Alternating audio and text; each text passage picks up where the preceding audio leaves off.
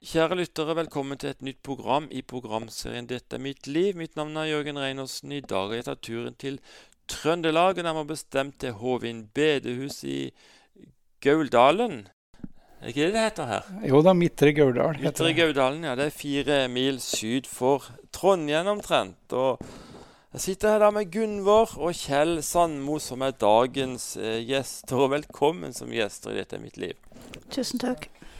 Jeg tror vi skal starte med deg, Gunvor. Kan ikke du fortelle lytterne hvor du ble født og oppvokst? Kjem egentlig fra Dal nærme Eidsvoll. Så ble jeg da fosterbarn på flere plasser, men så til slutt så havner vi da på Vestre Toten, eh, ikke så langt unna Gjøvik. Nærmere bestemt Kolbu. Dere var en stor søskenflokk. Ja, vi var sju, og så ble to eldre søsken plassert andre steder, annet ja, forskjellige plasser. Og så ble vi fem søskene. Vi ble da noen ganger delt og flyttet sammen igjen. Og delt og flyttet sammen igjen. Bodde på forskjellige plasser, da. Da vi kom til Toten, da var jeg ca. ti år. Hvordan opplevde du dette å flytte fra plass til plass? da temmelig trasig for et barnesinn forholde seg til ikke bare nye regler, men altså mennesker som ikke har bare godt i sinnet sitt, kanskje. Eh, Så sånn sett så tror jeg Jeg opplevde det vel vanskelig, men jeg var eldst av oss som ble flytt. Så jeg hadde en morsrolle sjøl og lita jeg var, da. Ja. Spesielt. Mm. Du var ti år gammel, så havnet du på Toten da sammen med fire av dine søsken. var det? Ja. Jeg var den eldste. Mm. Og uh, i nabohuset var det det som var den som het Kjell. Ja, det var det, vet du. ja. Uh, ja, kan jeg fortelle om første møte? Husker dere noe, eller? Var det på skolen dere sammen, eller? Jeg, jeg kan ikke konkret huske, men eh, i hvert fall så var det Det var jo litt spesielt når det kom eh, altså det herre ekteparet som tok seg av de eh, fem søskna der. Som nærmeste nabo på oss, og i liksom den grenda vi var, så, så gikk det til upaktet igjen, egentlig. ja. Så det ble jo et samtaleemne. At det kom fem sånne unger dit. Og vi var jo veldig spent på de unga og, sånt, da. Så, og jeg var jo ti år sjøl, for vi er jo like gamle. Så, eh, så det var egentlig Ja. Eh, ja, litt spesielt egentlig, da. For det var ikke noe sånn vanlig som vi opplevde liksom i grenda vår, i hvert fall. Gunvor, vi må snakke litt mer om, om din oppvekst. Du eh, Ja, opplevde du dette med, med barnevern, og det ble en tung ballast for deg? Du utviklet seg også til, til nerveplager, har du sagt det med? ja. Det vil jo bli da at en unge som først blir tatt ifra der han bor, og så plassert og så mange forskjellige, og så eh, Sjøl så lita jeg var, så var jeg alltid, hadde jeg alltid en mammarolle. Og så når du da kom til andre, så skulle du på en måte ikke ha den mammarollen, eller Og du vi opplevde jo Eller jeg opplevde at uh, noen hadde tror jeg, for økonomi. Og noen uh, hadde for uh, ja, andre ting, kanskje. Mm. Så det gikk utover nerven til sjuende og sist. Ja. I og med vi ble oppstykket og delt så veldig så fikk vi et veldig savn, og så merker vi veldig godt, eller vi både kjente og opplevde og fikk høre at vi var ikke verdt noen ting. Altså, vi, vi skulle ikke ha noe vilje, vi skulle ikke Vi hadde ikke lov til å bestemme noe, og alt vi prøvde å prate om, så ble det dytta bort og skyssa bort og Ja. Så det var, det var tøft. Det var egentlig Jeg vet ikke hvor stygge ord vi kan bruke, men eh, det, var, det var forferdelig for et barnesinn. Ja. ble revet i filler, rett og slett. At det, det var ikke att noen følelser, det var ikke att noe eh, glede, f.eks. Det fantes ikke. Det var bare frykt for hva skjer i morgen. Eh, skal vi være hos disse folka her, eller skal vi flytte? Når kommer de og på en måte antaster oss, eller på en måte, skal vi si, skader oss? Eh, ja. Det var, det, var, det var, alltid frykt og alltid redsel. Ja. Men det jeg var aller mest redd for, det var søsknene mine. Og den frykten var grusom. Og redd skulle splittes, eller? Hmm? Var dere redd for å splittes? Nei, men vi visste, ja, vi visste jo aldri Nei. om den ene eller andre, eller hvem som var tatt. Så jeg var jo alltid veldig redd for søsknene mine, for jeg det jeg gjennomgikk, der kunne jo òg søsknene mine risikere å komme gjennom, eller måtte gå gjennom. Og det syns jeg var så grusomt at uh, uh, på den tida før vi kom til Toten, så, så ønsker jeg da at uh, ja, noen ganger bare skulle bli borte fra jorda her. For da var det beste. Ja.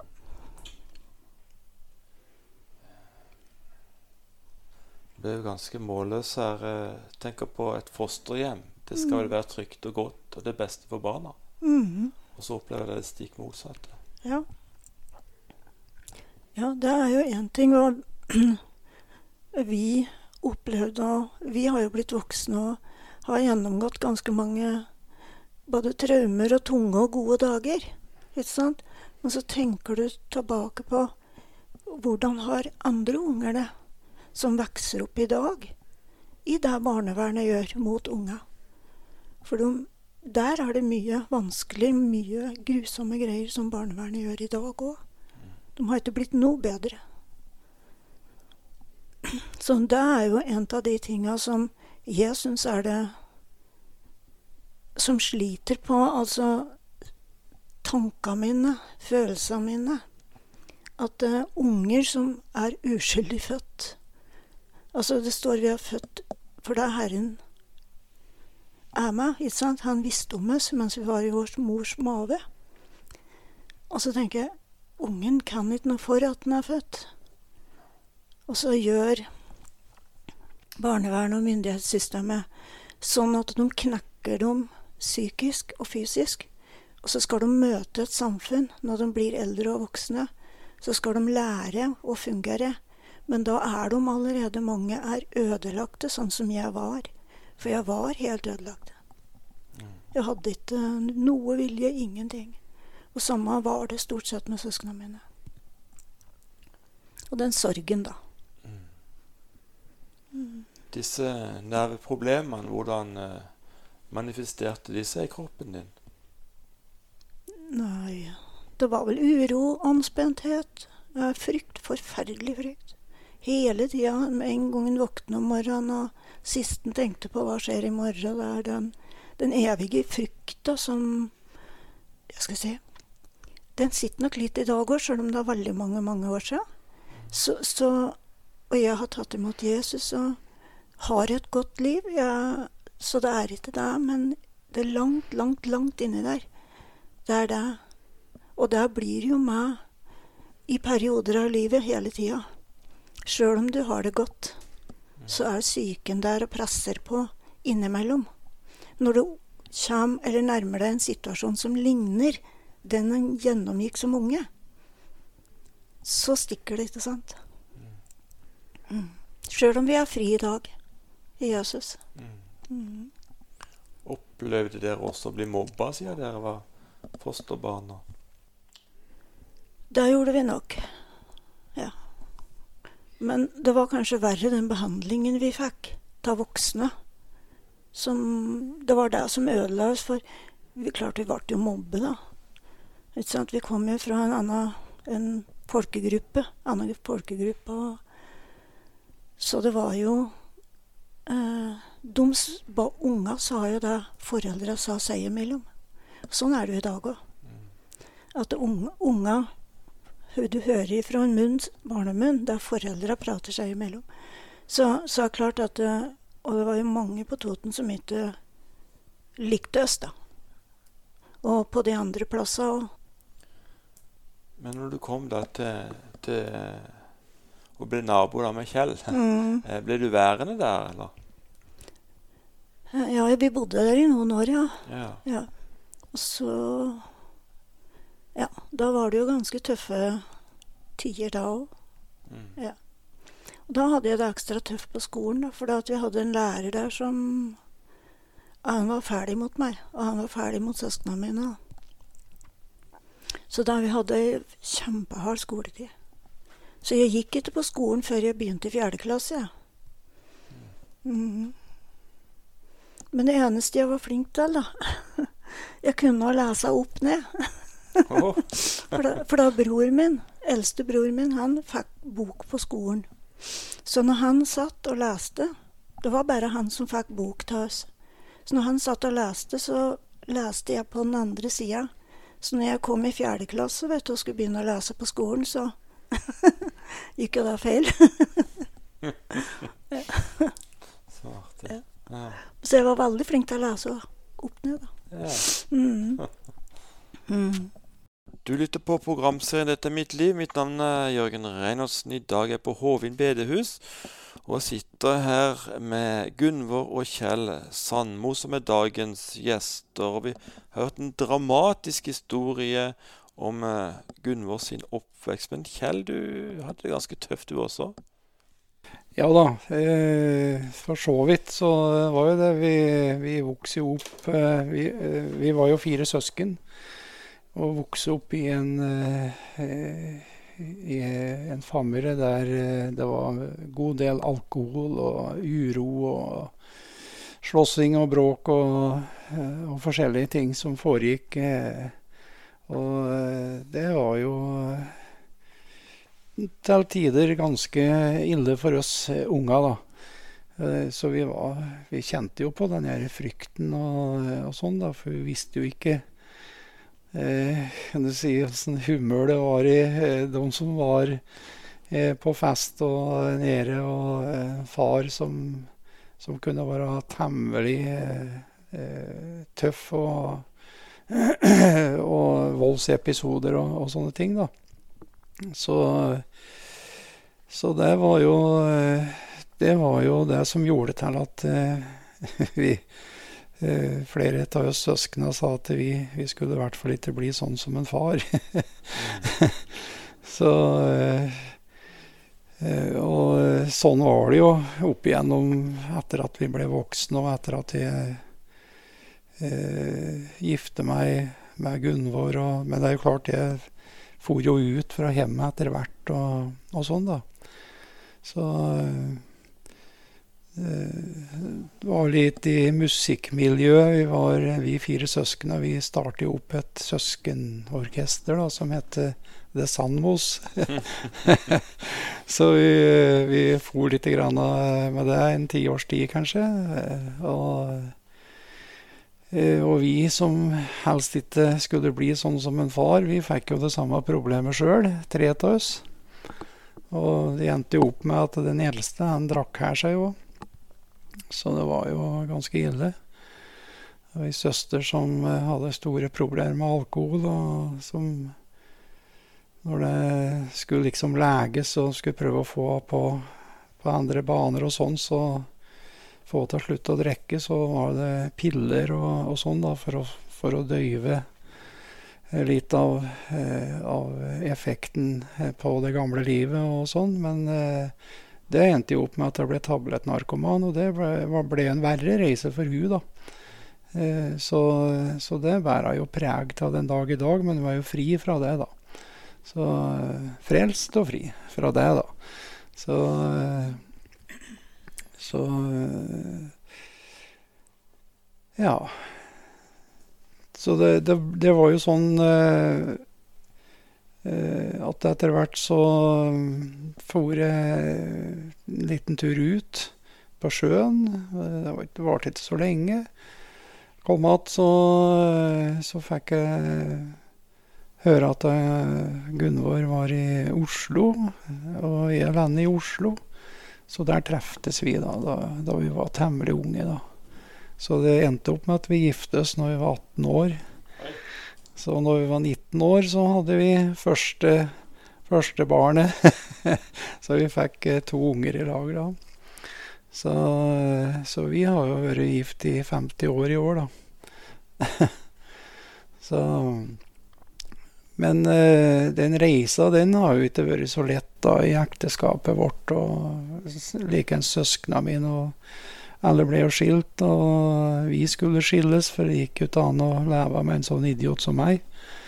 Og hun hadde jo nerveproblemer og, og sånn, så det, det, gikk jo ikke så bra med oss i ekteskapet. Det gjorde ikke det. Så, så det var jo mye kaos, og, og jeg var jo sånn at det var fullt kaos på innsida. og Eh, det ble jo mye fyll av det, og mye bråk eh, var det òg. Så det hendte jo at jeg våknet i fyllearresten, da. Eh, for ting som skjedde der og da. Og det var sikkert veldig bra.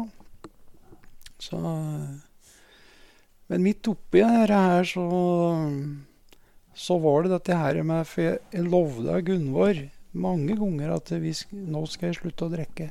Nå skal det bli bra. Og jeg mente det hver gang. Men eh, jeg fikk det ikke til. Så, så, det ble jo tragisk, egentlig, hele greia. Og så på slutten der, da, så når det liksom var eh, helt på hekta, så, så begynte jeg å interessere meg for kristendom.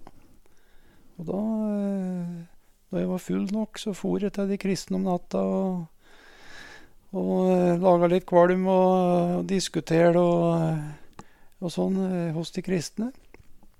Hvordan kom den lysten, liksom? Ja, for ettertid så, så, tror jeg faktisk at det var Den hellige ånd som begynte å dra i, i meg. Og jeg tror nok liksom at Gud oppe i himmelen han tenkte at han der, der han er nødt til å gjøre noe med. så går det helt over styr. Så, eh, men det begynte jo på en måte ikke så positivt. Men jeg, men jeg ser det sånn at det, det, var Guds dragelse da, til disse kristne. Og det som eh, jeg oppdaga hos de kristne, som vekte meg skikkelig, det var at når jeg kom til dem, og jeg diskuterte, og jeg var kvalm, eh, imot de, så kunne de vise meg en enorm kjærlighet, de kristne. Og det skjønte jeg ikke. Det var, det var en vekker, altså. Det å få oppleve den kjærligheten, for den hadde jeg manglet opp gjennom livet. Og da skjønte jeg at det, her er det noe. Men fortsatt så kunne ikke jeg definere mye, for jeg kjente ikke til Gud og Jesus og sånne ting i det hele tatt. Så jeg fortsetter jo eh, likevel eh, å besøke de kristne og, eh, og sånn. Og, og, så levde jeg livet sånn som med bare bråk og, og elendighet imellom. Mm. Og, men en natt så fikk jeg møte eh, sjølve kjærlighetens person nemlig Jesus. Og da fikk jeg et skikkelig møte. Det var, det var om, om, vi skal kalle det et syn eller, eh, eller en åpenbaring, eller hva det var. Jeg var jo full da jeg kom inn hos et eldre ektepar. Og gubben han sa at bare gå inn i stua og sett deg, så skal jeg ordne litt kaffe og litt mat og sånn. Så eh, da jeg kom inn på stua der, så fikk jeg, da fikk jeg se Jesus.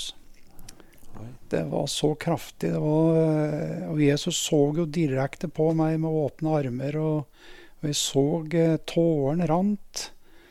Og så så jeg noe annet. Det var at Jesus var hellig. Og jeg kjente jo ikke noe til det her, men jeg så den helligheten og renheten og, og det med Jesus. Så det var, det var en voldsom opplevelse. Og, og så fikk jeg se meg sjøl. Det var det stikk motsatte. Det var jo bare elendigheten som sto foran Jesus der. Og da knakk jeg bare sammen. Det, jeg var så urein, og jeg kjente på en syndebyrde som, ikke, som jeg aldri hadde tenkt på en gang før. har hadde ikke tenkt på det, at jeg var en synder. Nei.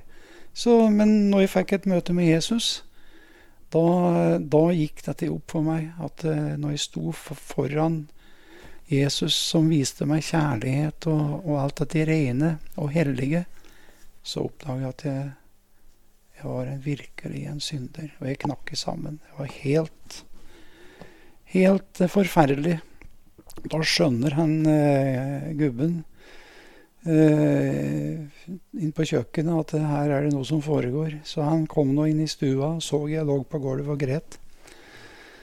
Og, og, han holdt rundt meg og, og, sånn, og så plutselig så kommer det bare et ord ifra han. 'Jeg skal gi deg et ord ifra Gud', sa han. 'Kom til meg, alle som strever og bærer tunge byrder, og jeg skal gi dere hvile'. Det kom til meg gjennom han. Og jeg tenkte ja, det er ikke noe mer jeg heller vil. Men det er umulig, sånn som jeg er, å nærme meg en gang Jesus. Så det går ikke. Det går ikke. Jeg var helt eh, var i panikk nesten. At, eh, at eh, for, var, for, meg så var det umulig. Enda så sto redningen der liksom for, foran. Og enda så så jeg at jeg kunne ikke nå den redningen. Og så og så begynte han Og så sa jeg det til ham, og så sier han Jeg skal fortelle deg en historie. Det var når Jesus hang på korset, så hang det en røver, ved sida av Jesus. Og han skulle òg dø av at han var en banditt. Og så sier han at eh, Men denne her røveren han henvendte seg til Jesus og sier Kan du kan du tenke på meg når du kommer inn i ditt rike? Sånn? For han visste at han skulle ikke inn i det samme riket som Jesus. Så han ba kan du tenke på meg når du kommer inn i ditt rike. Og så får han denne nyheten fra Jesus. I dag så skal du få være med meg inn i paradis. Da han gamle karen forteller meg om den historia, da øyner jeg et håp. Er det virkelig mulig, sa jeg. Ja, det er mulig også for deg. Men så utfordrer han meg om å ta imot Jesus. Og da sa jeg ja, det vil jeg gjerne. Hvis, det, hvis jeg kan bli fri. Og så, og så, tok jeg imot Jesus der.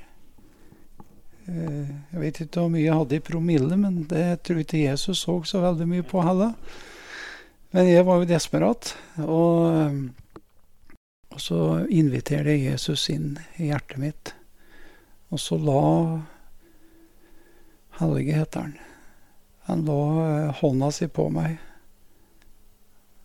og ba en kort bønn. Og med en gang han la hånda på meg, så, så gikk det som et lyn gjennom meg.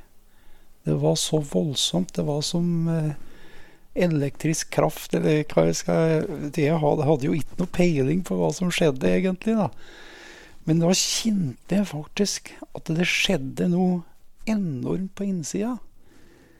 Eh, for det første så opplevde jeg at denne syndebyrden som jeg oppdaget der foran Jesus, den forsvant. Jeg ble jo 500 kilo lettere, vet du. Og så de brikkene på innsida Jeg merka at de falt på plass. Det var masse ting som falt på plass. Og så opplevde jeg en himmelsk fred som jeg aldri hadde kunnet tenkt meg at fantes.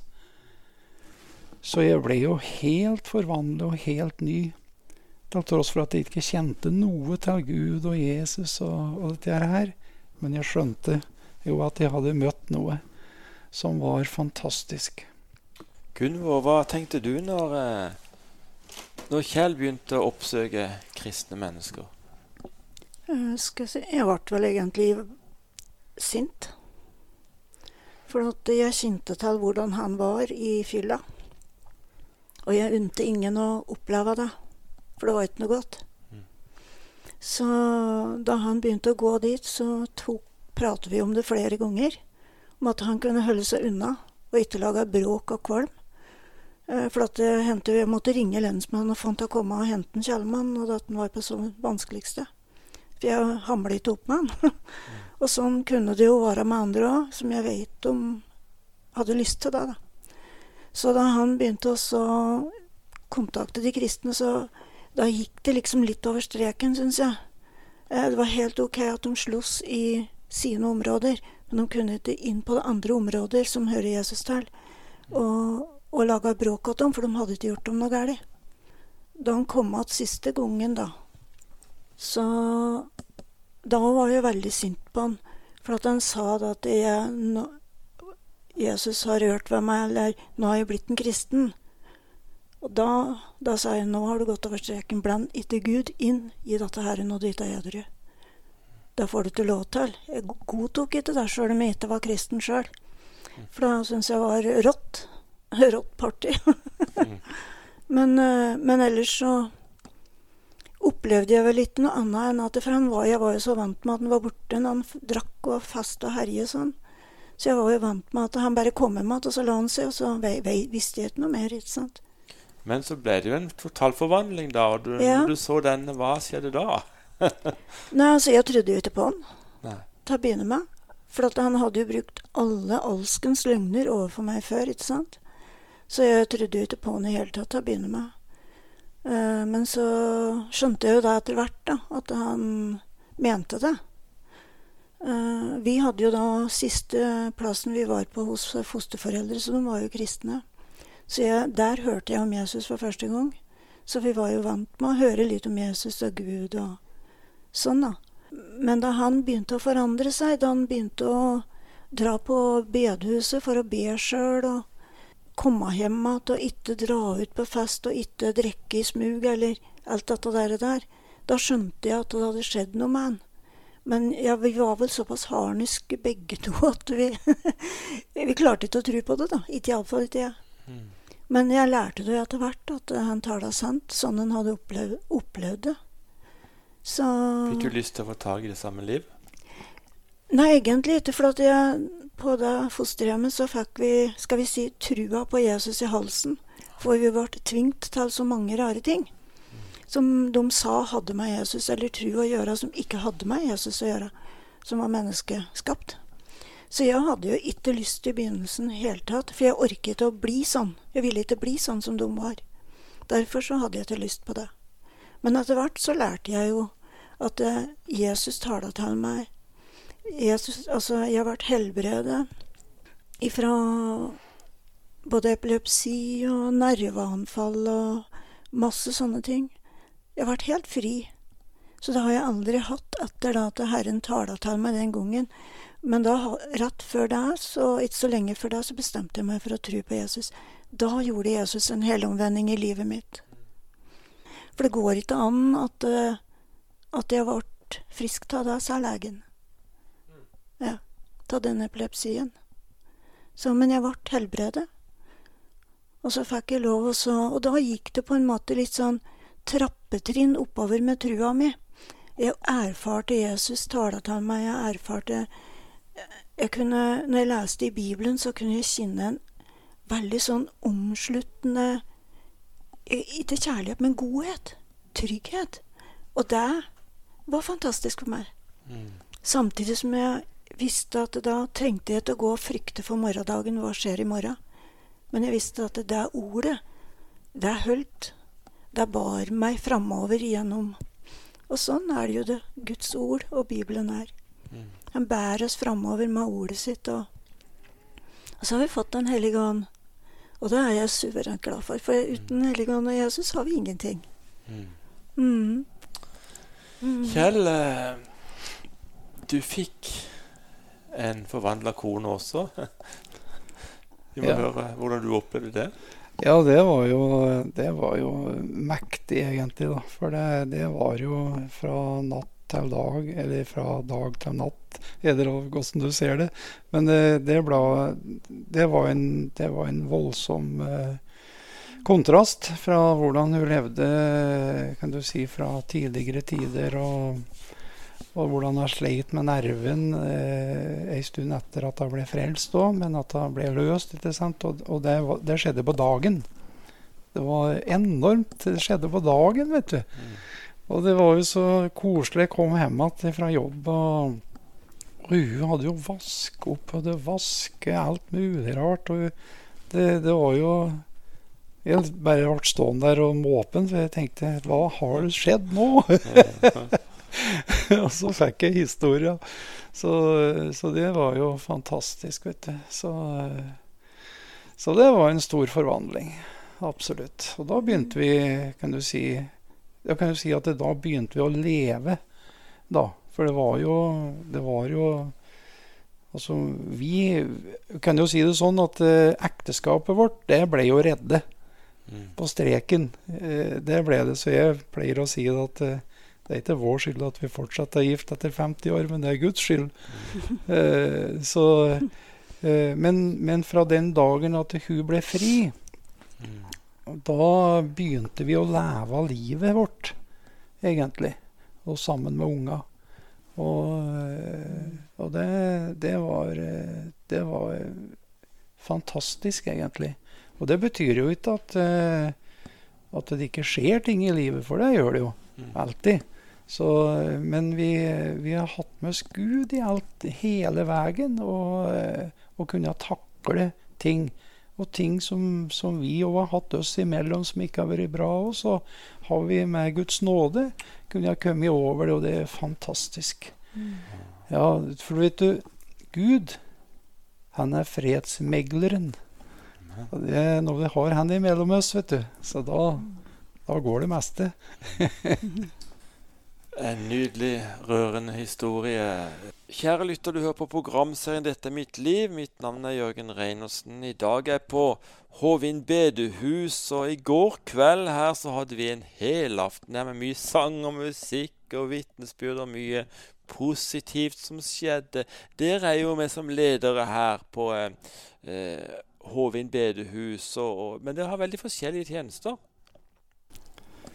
Ja. Min tjeneste er vel mer i det stille, tror jeg. Eh, noen har jo en forkynnertjeneste, noen skal stå frampå podiet og fortelle evangeliet og sånn. Men, men, Herren må òg ha tjenere i bakgrunn som kan stå der og, og ta de tinga en forkynner ikke kan. For da han har et, det er samhold med alle tjenester. Så min tjeneste er nok mer det å kunne hjelpe hjelpe enkeltpersoner, kanskje, eller komme med budskap, eller komme med kunnskapstale, eller noe sånt. Uh, ja, sier det sånn foreløpig. Mm. Og du Kjell, du er mer en forkynner? Ja da, jeg har uh, siden jeg ble frelst, så har jeg alltid vært på med evangeliet. og og reist med evangeliet veldig mye. Og og den brannen etter at folk skal bli frelst, den, den har vært der absolutt hele tida. Og eh, det slutter ikke her, vet du. Det blir bare mer og mer av det. Og eh, så, eh, så, hvor det skal ende, det vet ikke jeg. Men det viktigste ved dette her, det er jo sånn som her, da. På Hovin bedehus så, så har vi et fellesskap som heter Gauldal kristne fellesskap. Og det startet opp for en eh, ti-tolv år sia. Og det startet som eh, et vanlig At vi bare kom sammen for å begynne å be. Og så ble det flere og flere som ville komme sammen og be med oss. Og til slutt så ble det så mye folk at vi, vi måtte bare finne på noe. Så vi, vi, begynte å ha møter her da, og det, det har jo vært veldig bra. Og vi har jo samtidig, midt oppi det hele, så har vi reist med et orkester som heter eh, Gaula Gladsang. Mm. Eh, som vi har reist eh, i lag med i, i ti år. Og, og det har jo vært Så vi har sett mange som har blitt frelst og løst og fri på, på disse reisene våre. Så og i, i den forkynnelsetjenesten som vi har, der vi er sammen begge to, og som mm. har gitt oss veldig mye. Og vi føler oss privilegerte som får lov til å gjøre det slik. Og nå er vi pensjonister, så nå gjør vi akkurat det vi vil. vet du. Det er ikke noe jobb som liksom hindrer oss, men nå, nå kan vi være på full tid med Herren, og det er jo fantastisk. Dere opplevde i hvert fall i går kveld, det var jo ganske så fullt i salen. Ja. Mye folk. Mm. Ja, det var det. det jeg vet ikke, det var vel kanskje en 60 stykker. da, det- Når jeg var 57. Å ja. ja. Jeg så det på glasset. oh, ja. ja. Så bra. Men, men det her er jo ei lita bygd. Så det er ganske bra med så mye folk som dere samler på disse kveldene. Ja da, ja da, det det er det. Så det, vi har godt besøk her. Og til å være eh, forholdsvis lita bygd som vi er, så eh, bare tenk på bønnemøtene våre. Vet du. Vi er jo over 20 stykk på bønnemøtene våre. vet du. Mm. Og det sier litt grann om at det er en brann i, i, i flokken. Om at folk må bli frelst. Så vi er, har på en måte den enheten i vårt indre alle sammen. Og eh, så hva som blir skjeen framover, det vet ikke jeg. Men jeg tror på vekkelse. Virkelig. Har dere avslutningsvis lyst til å komme med en liten hilsen til lytterne? Ja, hilsen må vel være at uh, du som ikke kjenner Jesus, uh, du skulle gå til noen som kjenner Jesus, som er glad i Jesus. Ikke hvem som helst, men noen som er glad i Jesus. Og så spørre om å få lov til om de kan be for deg. Og at du skulle ta imot Jesus, for det er med og redder livet ditt her nede på jorda på en måte.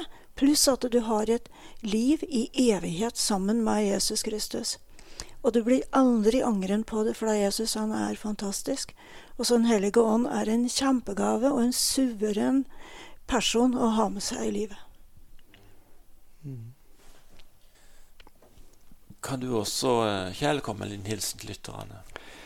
Ja, eh, jeg vil gjerne komme med en hilsen, og det går jo litt på det som jeg sa i, eh, i, i, i det her vitnesbyrdet mitt òg, eh, som går på at hvis det var sånn at du måtte fortjene å bli frelst, så ville du aldri bli frelst. Og jeg ville aldri ha sittet her og, og kommet i det intervjuet her.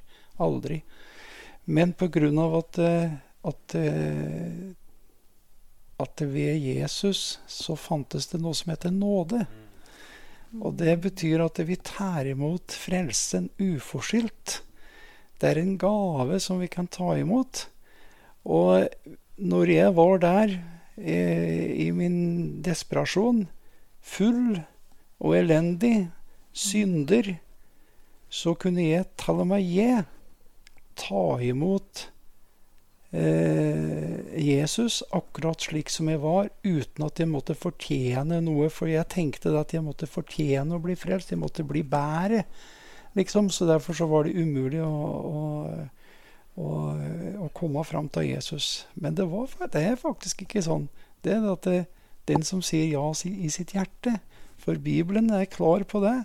At eh, alle dem som tok imot ham, dem gav ham rett til å bli hans barn. Så hvis du er i den situasjonen at du er klar til å ta imot Jesus som din frelser, så kan jeg be frelsesbønn med deg her og nå. Amen. Ja. Og da eh, kan du bare si det som eh, jeg sier. Eh, at du bare løfter blikket ditt. Og, og, og du har hjertet ditt i dette her, så kan du si det samme som meg. Kjære Jesus. Jeg kommer til deg nå med alle mine synder. Du kjenner mitt liv ut og inn.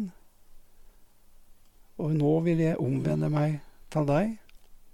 Og så vil jeg ta imot din nåde, Jesus, og din kjærlighet, og vil leve for deg, Herre. Jeg tror, Herre, at du nå fra i dag skal være min Herre og min Frelser. Takk skal du ha for din nåde over mitt liv, Herre. I Jesu navn. Amen. Amen, amen. Gunvor og Kjell Sandmo, hjertelig tusen takk skal dere ha for at dere ja til å være gjest i dette programmet. Må Gud rikelig velsigne dere, deres familie og deres virke i årene fremover. Tusen takk. Kjære lytter, vi vil svært gjerne komme i kontakt med deg som ba denne bønnen sammen med Kjell, slik at vi kan få mulighet til å sende deg en gratis bokpakke. Du finner meg, Jørgen Reinersen, på Facebook. Eller så finner du kontaktinfo på vår hjemmeside 9010.no. Dette staves slik nitti10.no. Kan også nevne at vi har lagt ut flere nye videoer den siste tiden som du kan finne på vår hjemmeside. Og om du er på Facebook, så legg meg gjerne til som venn, eller begynn å følge meg. Da vil du alltid finne oppdatert informasjon om framtidige gjester i denne programserien. Og så er det jo veldig hyggelig da å bli kjent med dere lyttere. Vel, vel, i dag har du fått høre to gripende livshistorier som garantert har rørt noe i ditt hjerte. Kanskje har du liknende erfaringer. Kanskje har du vokst opp i en tøff fosterhjem, eller vokst opp i et alkoholisert hjem, eller det er mulig du sliter med rusmidler. Vi har i dag fått høre at alt er mulig for Gud. Han kan snu opp ned på det som ser så vanskelig og håpløst ut. Avslutningsvis vil jeg be en bønn for deg som i dag lytter på dette er mitt liv. Kjære Gud, vi kommer til deg i Jesu navn. Du kjenner enhver som lytter på dette programmet. Du kjenner til de utfordringene den enkelte står i. Du kjenner også til de som sliter med fysiske eller psykiske sykdommer. Kjære Gud, takk at ingenting er umulig for deg. Ingenting er for vanskelig for deg. Nå ber jeg, Herre, om at du griper inn og leger sår fra barndommen. Jeg ber om at du leger sår fra ungdommen. Jeg ber om at du leger sår, ja, for alle slags aldersgrupper, Herre. Takk at du er den store trøsteren og den store hjelperen. Takk at du kommer med legedom, og du gir evne og vilje til å tilgi og takk at du også tar bort det som måtte være av bitterhet. Må du også gi mot og vilje til de av lytterne som sliter med rusmidler og avhengighet, Herre.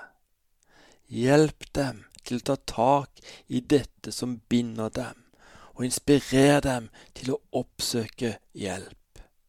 Og sett dem fri, Herre. Kjære Gud, du ser også dem som er syke. Vi takker for at du er den store helbrederen. Det står i ditt ord at du tok på deg våre sykdommer, og du bar våre plager. Så nå ber vi om at lytteren skal få erfare det i sine kropper. Takk for frihet fra smerter og takk for legedom for alle slags sykdommer, fysiske og psykiske, i Jesu Kristi navn. All ære og pris til deg, Gud, ifra evighet og til evighet. Amen. Neste uke er vi igjen på denne kanalen med et nytt program i denne serien. Vi vil oppmuntre deg til å invitere noen gjester til den anledningen, slik at dere kan lytte på Dette er mitt liv i fellesskap. Det kan bli mange gode og viktige samtaler etter disse programmene. Hjertelig takk for at du fulgte oss denne snaue timen. Vi ønsker deg det beste av alt Guds velsignelse.